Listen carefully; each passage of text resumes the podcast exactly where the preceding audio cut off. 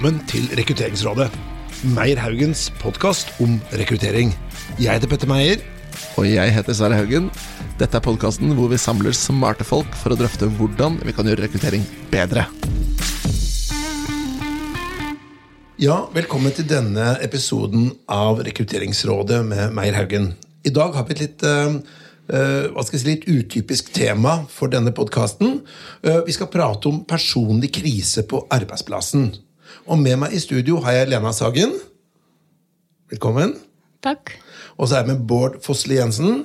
Og eh, vi skal da prate om når krisen rammer både familien, og hvordan man gjør da i forhold til den, både som arbeidsgiver, dette med å være kollega, og det å være personer rundt, altså medmennesker.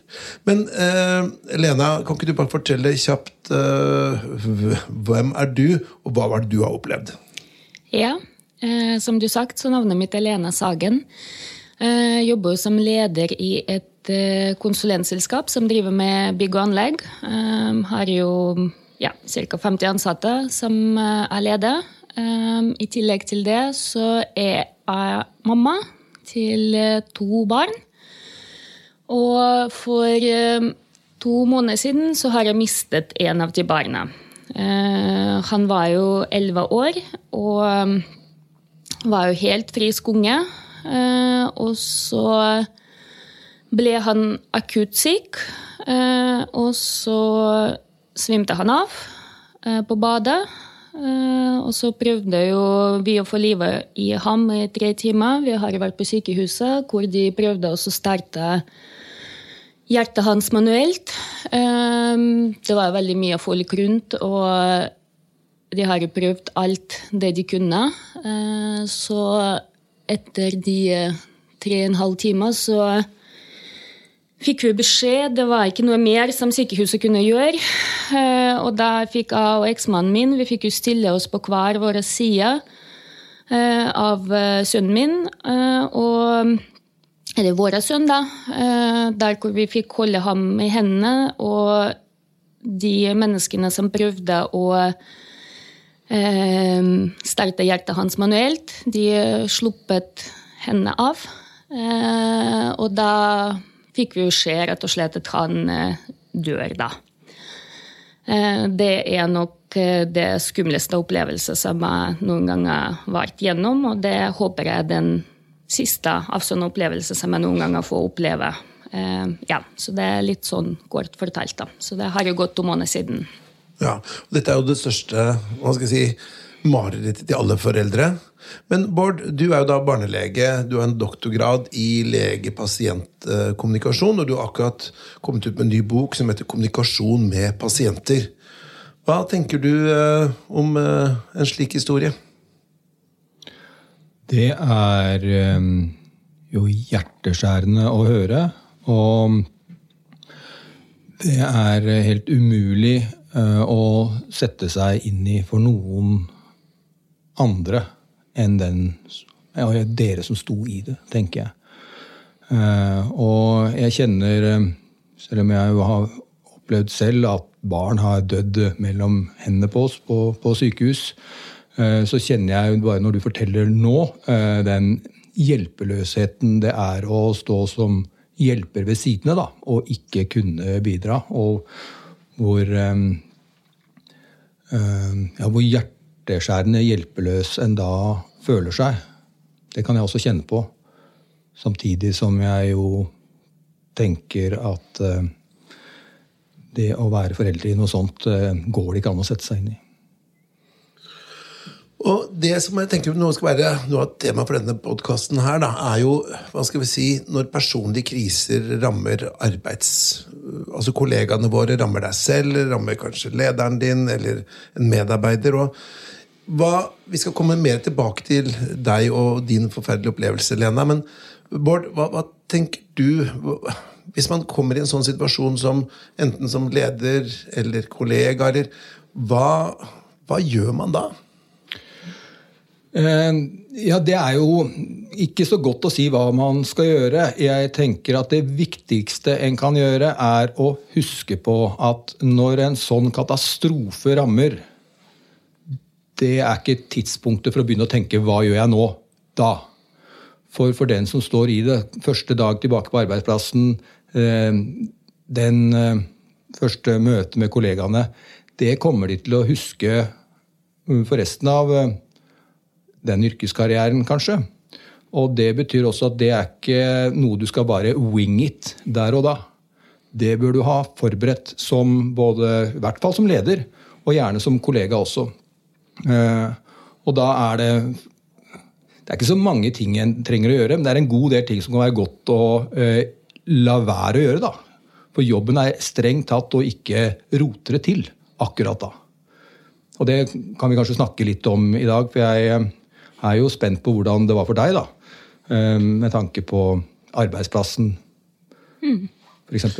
Hvordan opplevde du å både i forhold til eh, Det er mange tanker som går rundt i hodet når en sånn ting skjer, men eh, hvordan ble du tatt hånd om? Hva, hva, tenkte du, eller hva var de gode rådene du vil gi til andre, Lena? Mm. Jeg tror det er litt viktig å presisere det jeg sier. Det gjelder jo meg og min opplevelse. Eh, og det er jo ingen opplevelse som er lik. Eh, så det kan jo være veldig individuelt. Eh, det som var eh, veldig fint for oss, at vi så det var veldig mye støtte, eh, støtte rundt. Ehm, det, det, var jo veldig rørende å se. Det var veldig mange mennesker som tok kontakt, og noen bare kunne sende en SMS med hjertet osv. Så, videre. så det var veldig fint. Det som var kanskje eh, litt eh, mindre fint eller litt mer krevende, hvis folk begynte å spørre direkte spørsmål på F.eks. SMS. Hva er det egentlig som skjedde? Hva døde han av? Mm. Det er ikke et sånn i mitt hode et sånn SMS-prat da, eh, mm. når du sitter og mister unga bare for noen dager tilbake. Mm. Man skjønner jo egentlig at alle mener jo veldig godt, så det er jo ikke sånn at du tenker at ja, for en dust, hvorfor spør man eller hun meg om det der? Det er egentlig, man, man tenker ikke sånn, eller i hvert fall vi tenkte ikke sånn, men det var mer Eh, det var veldig krevende. Eh, jeg har jo vært så heldig at jeg har jo en mann som eh, hjulpet meg veldig mye. og All kommunikasjon gikk jo gjennom han, så jeg har jo skånet veldig meg sjøl. Og så har vi jo til sammen tre barn. Jeg har jo eget barn og så to andre. Så det var også liksom å kunne fordele litt krefter og kunne ha noen som ja, man kan kommunisere en del ting gjennom. da. Så det var veldig godt. Jeg var jo veldig heldig og kommet meg til eh, psykolog veldig tidlig. Og ehm, det var jo også pga. Uh, eh, behandlingsforsikring som vi har på jobb, så jeg fikk jo tilgang til psykolog veldig raskt. Det var jo veldig til stor hjelp på meg, så jeg fikk jo hjelp av krisepsykolog som hjelper deg å stable litt tanker i gang. Og der tror jeg at jeg fikk eh, min eh, ja, beste råd, som jeg noen ganger sikkert skulle ha fått. Eh, når jeg kom dit, så var jeg jo spurt liksom om jeg, eh, om jeg visste hva som kommer til å skje hvis jeg legger meg ned. Eh, og på det tidspunktet da så hadde jeg jo egentlig ikke noe sånne gode tanker. Eller det var så mange tanker. Du, du springer jo egentlig maraton bare i hodet, fordi du tenker jo på alt mulig. Eh, når folk spør deg ja, det har du sikkert ikke tenkt på. Jo da, man har tenkt på det også. Man har egentlig tenkt på hele livet opp og ned og alle veier. Uh, men akkurat det har jeg faktisk ikke tenkt på. Og da sa han jo liksom at det må du tenke på. at det skjer faktisk ingenting hvis du legger deg ned, det skjer ingenting. Du gir ikke deg sjøl mulighet til å bli bedre. Eh, du får ikke nye impulser, du lar ikke hodet hvile på noen ting. Og da kommer du mest sannsynlig til å bli veldig deprimert og trist. Eh, det var jo veldig brutal beskjed å få, fordi når man først opplevde noe som var så forferdelig, så herregud, jeg må få lov til å legge meg ned. Det var jo helt fint å bare kunne ligge der. Eh, og så tenkte jeg jo litt på det der, og så tenkte jeg nei, det skal jeg ikke gjøre. Eh, og da har jeg jo bestemt meg veldig raskt at jeg må tilbake til jobben. Det var jo veldig fin ting for meg også å komme tilbake i jobben. Jeg har jo et jobb som er veldig fleksibel. Eh, så for min del så var det ikke problematisk å komme tilbake i jobb og eh, fungere i jobben på den måten jeg fikk det til. Eh, det som jeg tror er veldig viktig, hvis jeg skulle tenke Nå sitter jeg jo som leder i en skjold, og så har jeg en leder over meg. Det som jeg har jo tenkt veldig mye på før det der skjedde, det er jo én ting som, jeg, som man er som leder ofte er veldig flink til å si, og det er som følgende at hvis du er syk eller trenger tid, bare ta deg tida, så fikser vi ting for deg på jobben. Eh, og da føler du liksom Har jeg noe å komme tilbake til? Så jeg tror å si sånne ting kan være enda mer belastende. Det er i hvert fall min opplevelse av det. Det er ikke nødvendigvis det er sånn for alle, men min opplevelse av det at eh, hvis noen forteller deg at de venter på deg, og at du er velkommen, og at vi savner deg, og vi ser at vi klarer ikke å løse de oppgavene uten deg, eh, kom, så får du jobbe på dine premisser. Det tror jeg er ganske viktig til å kunne komme tilbake i jobb så snart som mulig. Eh, og så er det jo sånn at eh, for meg igjen så var det veldig vanskelig, og er veldig vanskelig, å finne måten å hvile på. Eh, det er kanskje en av de vanskeligste tingene. Så å være på jobb er faktisk mye mindre belastende enn å ikke være på jobb. Eh, fordi da får, du da får hodet hvile på andre ting, og så lar man seg mulighet til å få nye impulser. Og så eh, er det jo veldig godt å være blant folk. Etter min mening så er det jo veldig si, Eh, hvis man tenker på oss mennesker totalt sett, eh, som fra vi eksisterte, så har vi jo alltid vært i flokk. Eh, veldig mange av oss lever jo nå alene, er singel, ikke har kanskje noen de kan snakke med. Og jobben er jo ganske viktig arena for å fungere sosialt. Så jeg tror hvis man har et arbeidsplass hvor man føler tilhørighet, hvor man føler at man eh, kan eh, komme og være en del av fellesskapet, det kan jo være til veldig stor hjelp. Da. Det er min mening. Hva tenker du, Bård? Jeg tenker at du har jo gjort veldig mye klokt, da, høres det ut som. Uh, og så blir jeg alltid litt sånn engstelig når noen har opplevd noe og gjort det og Eh, nå sto der, Dette er bare to måneder siden. Her står du og kan prate om det i en podkast. Mm. Eh, og da er det lett å tenke at å, der har vi oppskriften. Mm. Eh, og så vet vi jo da at det som fungerer bra for noen, eh, trenger ikke å fungere godt for andre. Snarere kanskje tvert imot. Mm. Så det jeg syns eh, kanskje kunne være interessant, er eh, å ta tak i det du sa, at du syns det har vært vrient det å hvile.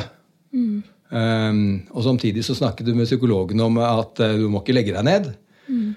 Og jeg tror jeg, jeg tror jeg, forstår hva du mener. For det, ja, det, å hvile handler jo ikke om å hvile kroppen, det handler om å slappe av i tankene. Mm, det stemmer. Å klare å slappe av i, i tankene. Og det, eh, det, tror jeg er viktig for alle. Mm. og så vil jeg nok bare si at det er helt ok å også bare legge seg ned. Jeg ville si til folk ja, men legg deg ned så lenge du trenger. Mm. Så lenge det bidrar til noe godt, så må du da kunne gjøre det. Og så vet vi jo alle at man kan ikke ligge der for evig. Mm. Fordi det bidrar ikke til det vi trenger. Så hvis vi kan si litt grann, um, om og der, um, for jeg, jeg, føler jo også for de på arbeidsplassen din, da, når du er såpass um, tilbake. ikke sant? Det er ikke så lett for de heller. Så hvis vi kan tenke litt, hva er det vi alle som gjør det lett for oss alle å på en måte slappe av i tankene? For det vet vi en del om, og det kan være godt for arbeidsgivere og kolleger også å vite at å ja, det bidrar til at folk kan slappe av litt i tankene. Og da må vi over i det vi kaller våre grunnleggende psykologiske behov, som vi alle har eh, i hverdagen, eh, og i hvert fall når krisen eh, inntreffer. Enten om det er tap av en vi elsker, eller om det er tap av egen helse, eller hva det måtte være. Og Våre grunnleggende psykologiske behov, når de er tilfredsstilt, så senker vi skuldrene, og det er lettere å komme igjennom den sorgprosessen som mange beskriver, som går i flere faser. Da. Og de behovene vi alle har, er altså at vi har behov for eh, forutsigbarhet. Jo mer forutsigbar eh, hverdagen vår er, jo bedre er det. Og Derfor så vil du kjenne på den utryggheten. Ja, men bli borte så lenge du bare trenger. Eh, vi er her når du kommer tilbake. Ja, men da begynner du Ja, men hva skal jeg da gjøre? Da mangler du en forutsigbarhet. så vil vi nok sånn teoretisk sett si at det er nok bedre å si skal vi ikke avtale litt sånn hva som skal skje nå framover. Ikke sant? Jeg er helt enig med deg. Det er jo sånn at eh, når et sånn stor krise skjer, så trenger vi mye forutsigbarhet, og så trenger vi også eh, faste ting. Jeg har jo lest om folk som faktisk måtte stå og holde seg fysiske ting, fordi de måtte ha noe fast i livet, sånn at de på en måte føler at ikke hele livet bare svever rundt dem. Eh, Så forutsigbarhet er jo kjempeviktig. Og, det, og da begynner vi allerede da å snakke om et slags samspill da, med arbeidsplassen og arbeidsgiveren. fordi at ja, den etterlatte, hvis jeg kan kalle det det, da, mm. vil jo ha godt av forutsigbarhet. Men det vil arbeidsgiver også ha. Som medmenneske så er det godt å vite skal jeg ringe hver dag, skal jeg ringe hver 14. dag, skal jeg spørre er du klar nå, skal jeg foreslå mer eller mindre. Det er utrygt også for eh, kollegaene. Og det er veldig enkelt å bare si du vet hva, nå er dette den, den fysiske planen. Så forutsigbarhet er et sånn grunnleggende behov. Så det du anbefaler da, Bård, det er at eh, du som arbeidsgiver, men også da arbeidstaker eller kollega eller eh, etterlatt, bare sier at det, dette er planen. Jeg ringer deg om en uke, jeg ringer deg med i morgen, jeg ringer deg om 14 dager. Eller man, man har en plan. Ja, vi kan komme litt eh, Vi skal i hvert fall ende opp med en plan. Ende opp med en plan. Så er det allikevel et eh, annet grunnleggende psykologisk behov vi har. Nemlig det vi kaller det gjerne behovet for kontroll. Men her tror jeg mer dere å bruke ordet medbestemmelse. Ikke sant? Vi er nødt til å ha en plan her, eh, og vi, så allikevel eh, Hvor lenge tenker du du trenger eh, med mannen din før vi snakkes? Ikke sant? Ja, jeg trenger i hvert fall en uke, eller jeg trenger to dager, eller jeg trenger en måned. Hva vet nå jeg? Men at vi blir, har medbestemmelse, altså kontroll, i dette her sånn. Det er eh, nok et viktig prinsipp, da. Ikke sant? Så vi har forutsigbarhet, vi har kontroll, eller medbestemmelse, og så har vi det siste som er oversikt. Behovet vi har for oversikt. Hva er det som skjer? Og det vil jeg anta at dere uh, følte allerede på sykehuset. Hva skjer nå? Ikke sant? Og det er eh, alt fra hva kommer til å skje med familien, men det er også praktiske ting. Hvordan, er, det, hvordan er det med begravelse?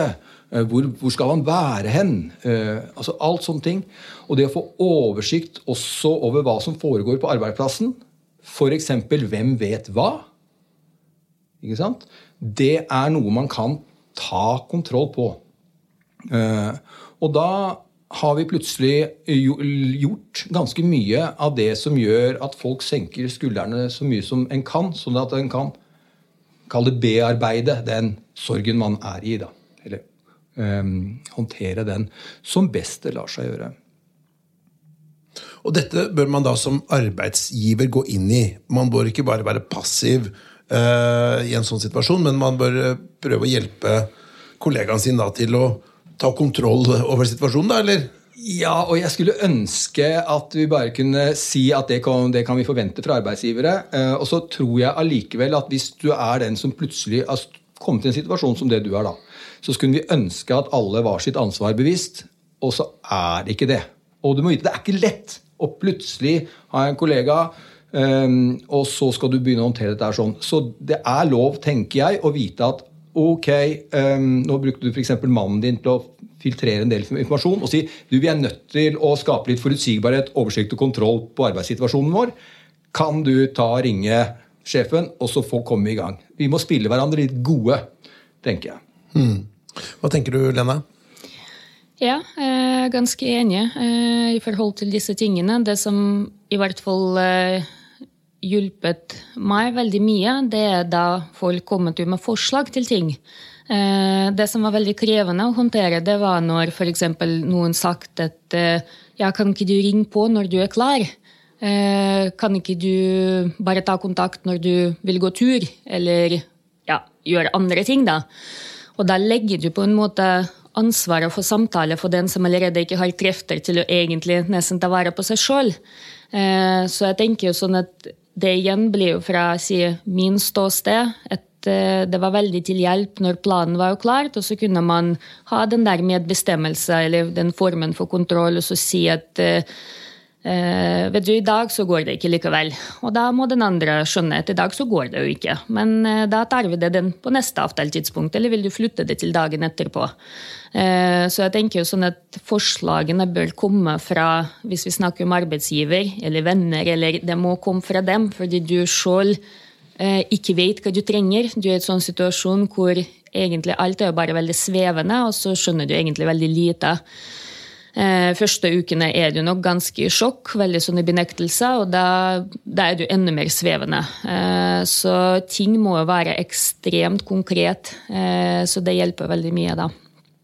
Ja, og det er godt å høre du sier det, for det er i, i, sjokkfasen, som det gjerne heter, da, så, så er, og kanskje også i i reaksjonsfasen, som det heter, hvor eh, man begynner å eh, agere, men allikevel har ikke tatt det inn over seg.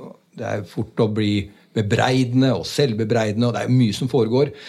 Eh, jo mer konkret ting er, jo bedre er det. Og, og det er ned på det nivå at folk må vite hva de skal si. Så for eksempel, for du vite, Det er ikke lett å være kollega eller sjef og vite. Uh, alle ønsker virkelig det beste, mm, men hvis alle spør deg du, hvordan går det med deg, mm. så er det ikke alltid man er klar til å svare på det i gangen eller på lunsjen. Mm. Uh, og enda merkeligere blir det jo når folk som ikke før har spurt hvordan går det med deg, plutselig skal begynne å bry seg nå. Det er, det er vrient, da. Og det er vrient for alle. Og da tenker jeg at det er klokt å være um, på det nivået og si hva trenger vi? Mm. Uh, for eksempel uh, så er det uh, godt Jeg husker jeg hadde en kollega som mistet datteren sin. Og jeg, jeg, er jo helsepersonell, så jeg skal jo også på en måte kunne være en omsorgsfull kollega. da. Men jeg følte meg ganske hjelpeløs. Og I tillegg så var det jo masse helsepersonell rundt, så alle skulle jo være sånne gode hjelpere. Og det blei litt sånn jeg, jeg, kunne til og med liksom kjenne litt på at å ja, men er jeg, er jeg ikke omsorgsfull nok? Er det noen som er mer? Det blir nesten en slags empatikonkurranse oppi det hele. Og det er jo det siste du trenger. At mm. folk skal drive og være mm. utrygge rundt deg. Og da var det veldig godt at uh, vi ble enige om at jeg kunne si istedenfor å si du, åssen går det med deg? Kunne få lov til å si å, der er du. Du, så godt å se deg. Mm uten noe spørsmål. Og så ble det opp til henne å si litt om hvordan det var, eller bare jo takk for det, og gå forbi. For da inviterer du til en, en, en, prat hvis den personen er mottakelig for det akkurat nå. Mm.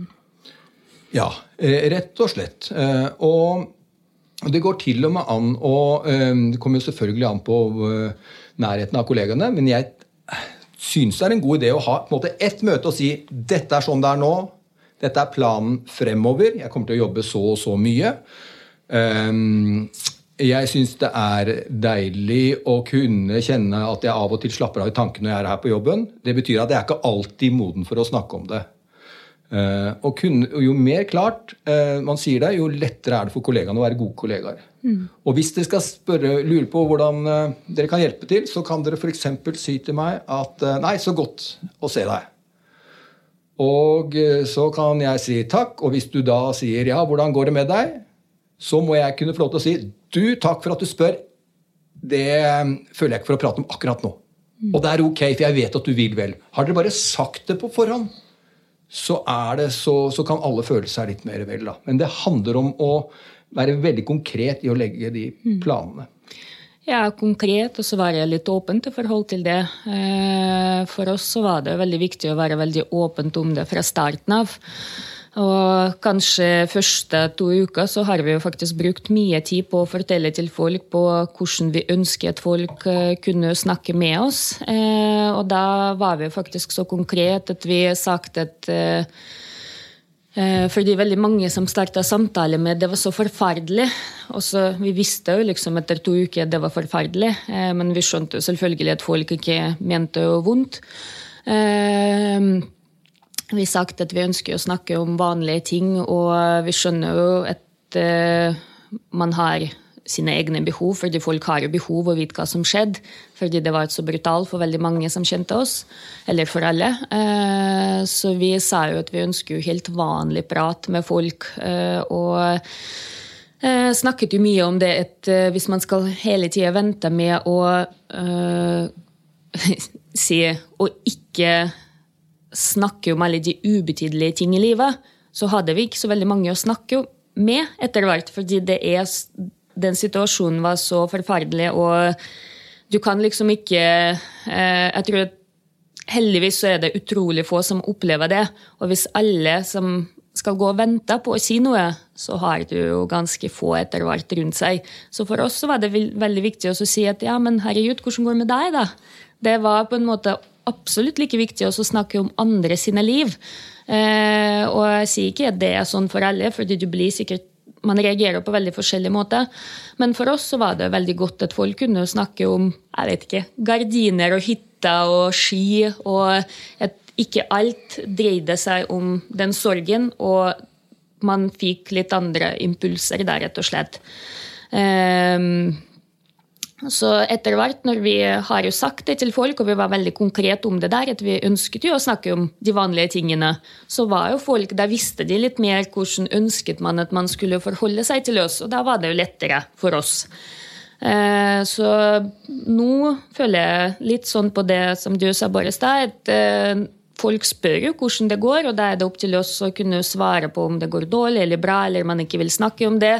Men så samtalen flyter på mye bedre måte. da. Man snakker jo mer de vanlige, normale tingene, fordi det er jo det egentlig livet er. Den består jo av den hverdagen, for det meste, heldigvis. Mm, ja, og, og, samtidig så, så vet jeg meg merke en sånn liksom støkk som satte seg i meg i stad. For og det kjenner jeg igjen både når jeg jobber profesjonelt og, og, privat også. Når jeg har hatt venner og familie som har, har eh, vært gjennom eh, Eller mistet folk de, de, elsker. da, At jeg øh, plutselig føler at jeg Å, nå tror jeg, nå tror jeg for langt. Mm. Nå liksom gikk jeg inn på et eller annet. Og det var vel det vi var jeg, jeg merket det når du sa i stad at folk viser sin omsorg, sender en SMS osv. Men plutselig så tråkka de over streken når de spurte om ja, men hva var det han døde av. Mm. Kan du si litt mer om, om hva, som får, hva, som skjer da hos deg når du får en sånn melding? Eh, det handlet jo egentlig mest om måten å bli spurt på. Eh, jeg synes jo at man jeg kan jo si snakke om det eh, hvis det passer seg i samtalen. Men jeg synes kanskje at for oss så var det, føltes jo litt upassende når det kom på en SMS. Sånn, ja. Eh, så det handlet ikke mer om selve spørsmålet i seg sjøl, men måten det blir spurt på. Fordi hvis du har et person som du ser, så klarer du å lese den personen bedre. Du føler om det passer konteksten. Mm. Fordi som sagt så var vi åpent egentlig om alle de tingene. Både eh, ja, at han døde brått, og vi var veldig åpent at han døde i det hele tatt. Fordi kanskje noen skulle velge å holde det litt for seg sjøl. For oss var det veldig viktig å si ifra. Eh, og vi ja, vi snakker jo selvfølgelig om det, og det blir jo alltid en del av vårt liv framover. Men jeg tror det handler mest om kontekst, og så kunne se mennesker, og ikke bare sende en melding. Det var det som jeg egentlig mente, da. Ja, ja sånn, ja. Og for det er jo en, eh, en klasse i samfunnet vårt for øvrig. Altså SMS og e-post, for ikke å snakke om. Det er et verktøy for å gi beskjeder, altså sende data. Det er virkelig ikke noe uh, vi skal bruke Eh, når, eh, når hele livet ligger i potten. Um, Nei, det er kanskje ikke der du ønsker å sitte og tekste liksom en lang melding om hva som egentlig skjedde. Uh, så det Nei, og, og, det, og, det, går ikke. Uh, og fordi jeg også Det vi vet, da Nå skal vi være varsomme stat snakke statistikk, uh, fordi at det er nettopp det det er. Det er statistikk. Det gjelder ikke mm. for den som står midt oppi det. Men det mange i hvert fall forteller, er at det er mye omsorg i starten. Mm. Veldig mye omsorg, oppmerksomhet og praktisk gjøremål. Og, og, så, eh, og, så, svinner det litt hen over tid. Mm. Eh, samtidig som øh, sorgprosessen er der fortsatt for de mm. etterlatte. Og jeg tenker øh, at vi må i hvert fall kunne snakke om hva er, hva er grunnen til det. Eh, det er, det er jo ikke sånn at folk er, blir noe mindre empatiske over tid, men alle, alle sånne mm, ting For jeg kan i hvert fall kjenne på at jeg er redd for å gjøre noe feil. Og for eksempel, da, sånn som det å stille eh, For, det er jo en menneskelig ting å lure på. da, Hva var det som skjedde? Ikke sant? Eh, og så får jeg tilbake ja, det, det passer seg ikke på SMS. Vips, så føler jeg meg jeg er jo ganske dum.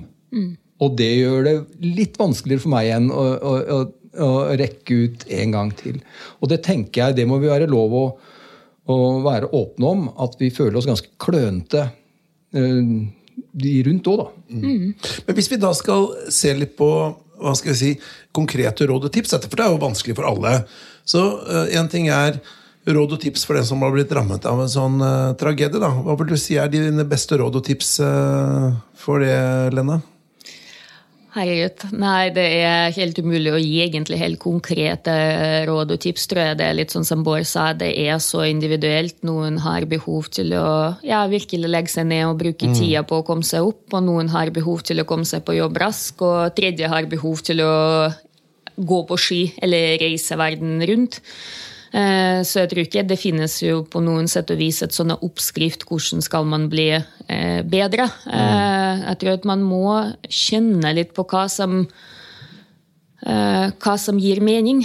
Og det, det tror jeg er veldig viktig. å prøve å ta seg litt tid til å liksom la seg føle hva er det egentlig som er riktig? Eh, man sørger jo i mitt hode ikke mindre eh, om du er på jobb eller om du legger seg ned. Man sørger like mye, og man kommer til å sørge like mye uansett hele livet. Men det er, eh, det er, litt viktig å, tenker jeg, det, å kunne gi seg rom til å også føle på glede. Det har jeg i hvert fall jobbet veldig mye med meg sjøl. Og så la seg sjøl lov til å føle på at eh, eh, hverdagen kan være eh, likevel bra på sin vis. Og så har jeg jo valgt egentlig et sånn grunntankesett etter at det skjedde. jo, at jeg, Når noen spør meg om jeg hadde en bra dag eller dårlig dag, så sier jeg at jeg har ingen dårlige dager, men jeg har, i noen dager så har jeg utrolig mange veldig dårlige timer. Men jeg ser noe positivt i hver dag. Det gjør jeg jo. Så jeg tror å la seg sjøl få lov til å glede seg over de små tingene, eh, tror jeg er veldig viktig. Bård, hvis du skulle nå litt på tampen si litt dine råd til folk som er i den situasjonen, enten som, som at de er da etterlatt, eller kollega, eller leder, eller Jeg tror det er lurt å være raus nok, hvis man er den som har mistet noen, da. Å være raus nok med seg sjøl til å mm, minne seg sjøl om at eh, alt er normalt. Helt til det ikke er normalt lenger. Altså, Med det så mener jeg å si at det å legge seg ned Selvfølgelig, det, det er helt normalt, det.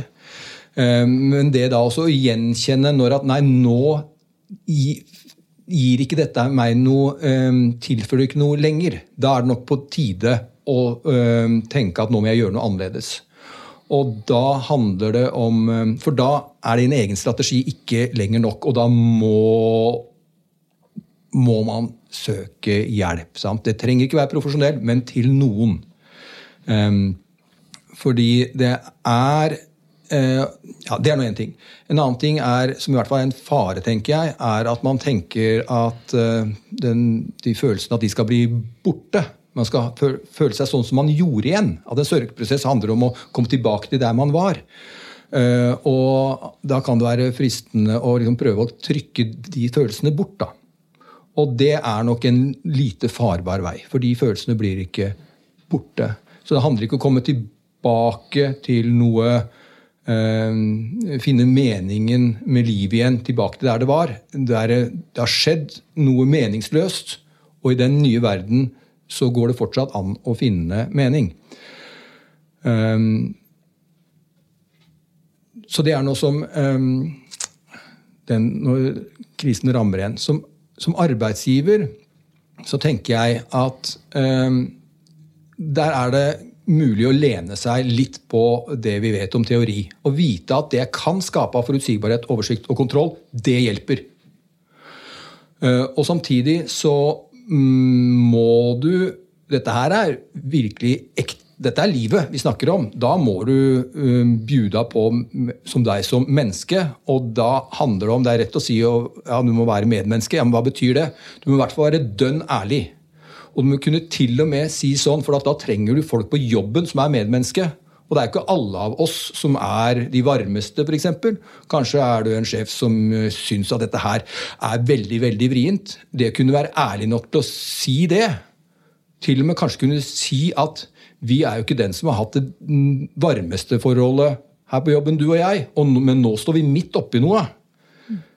Det å kunne sette ord på det, det tror jeg er eh, klokt. Og til og med da finne en på jobben som er den best egna medmennesket der og da. Um, tror jeg. Og når det er sagt, for dette handler om å ta vare på folka sine, og så vil jeg si at det vil være godt råd å tenke at hvis du tenker å jeg skal ta vare på folka mine når krisen skjer Hvis du tenker sånn, ja, da er det for seint. Altså, du må ta vare på folka dine nå. I de små krisene i hverdagen så er du bedre stilt eh, hvis eller når dette her skulle ramme. Da. Da tenker jeg vi tar og runder av der. Tusen hjertelig takk, eh, Lena Sagen, for at du kommer i podkasten og deler dine erfaringer om et sånn viktig tema. Eh, og tusen takk til deg også, Bård, for at du deler dine erfaringer fra Eh, din praksis og, og, og, teoribakgrunn også. Så jeg tenker eh, vi runder av der. Eh, hjertelig takk til dere begge to.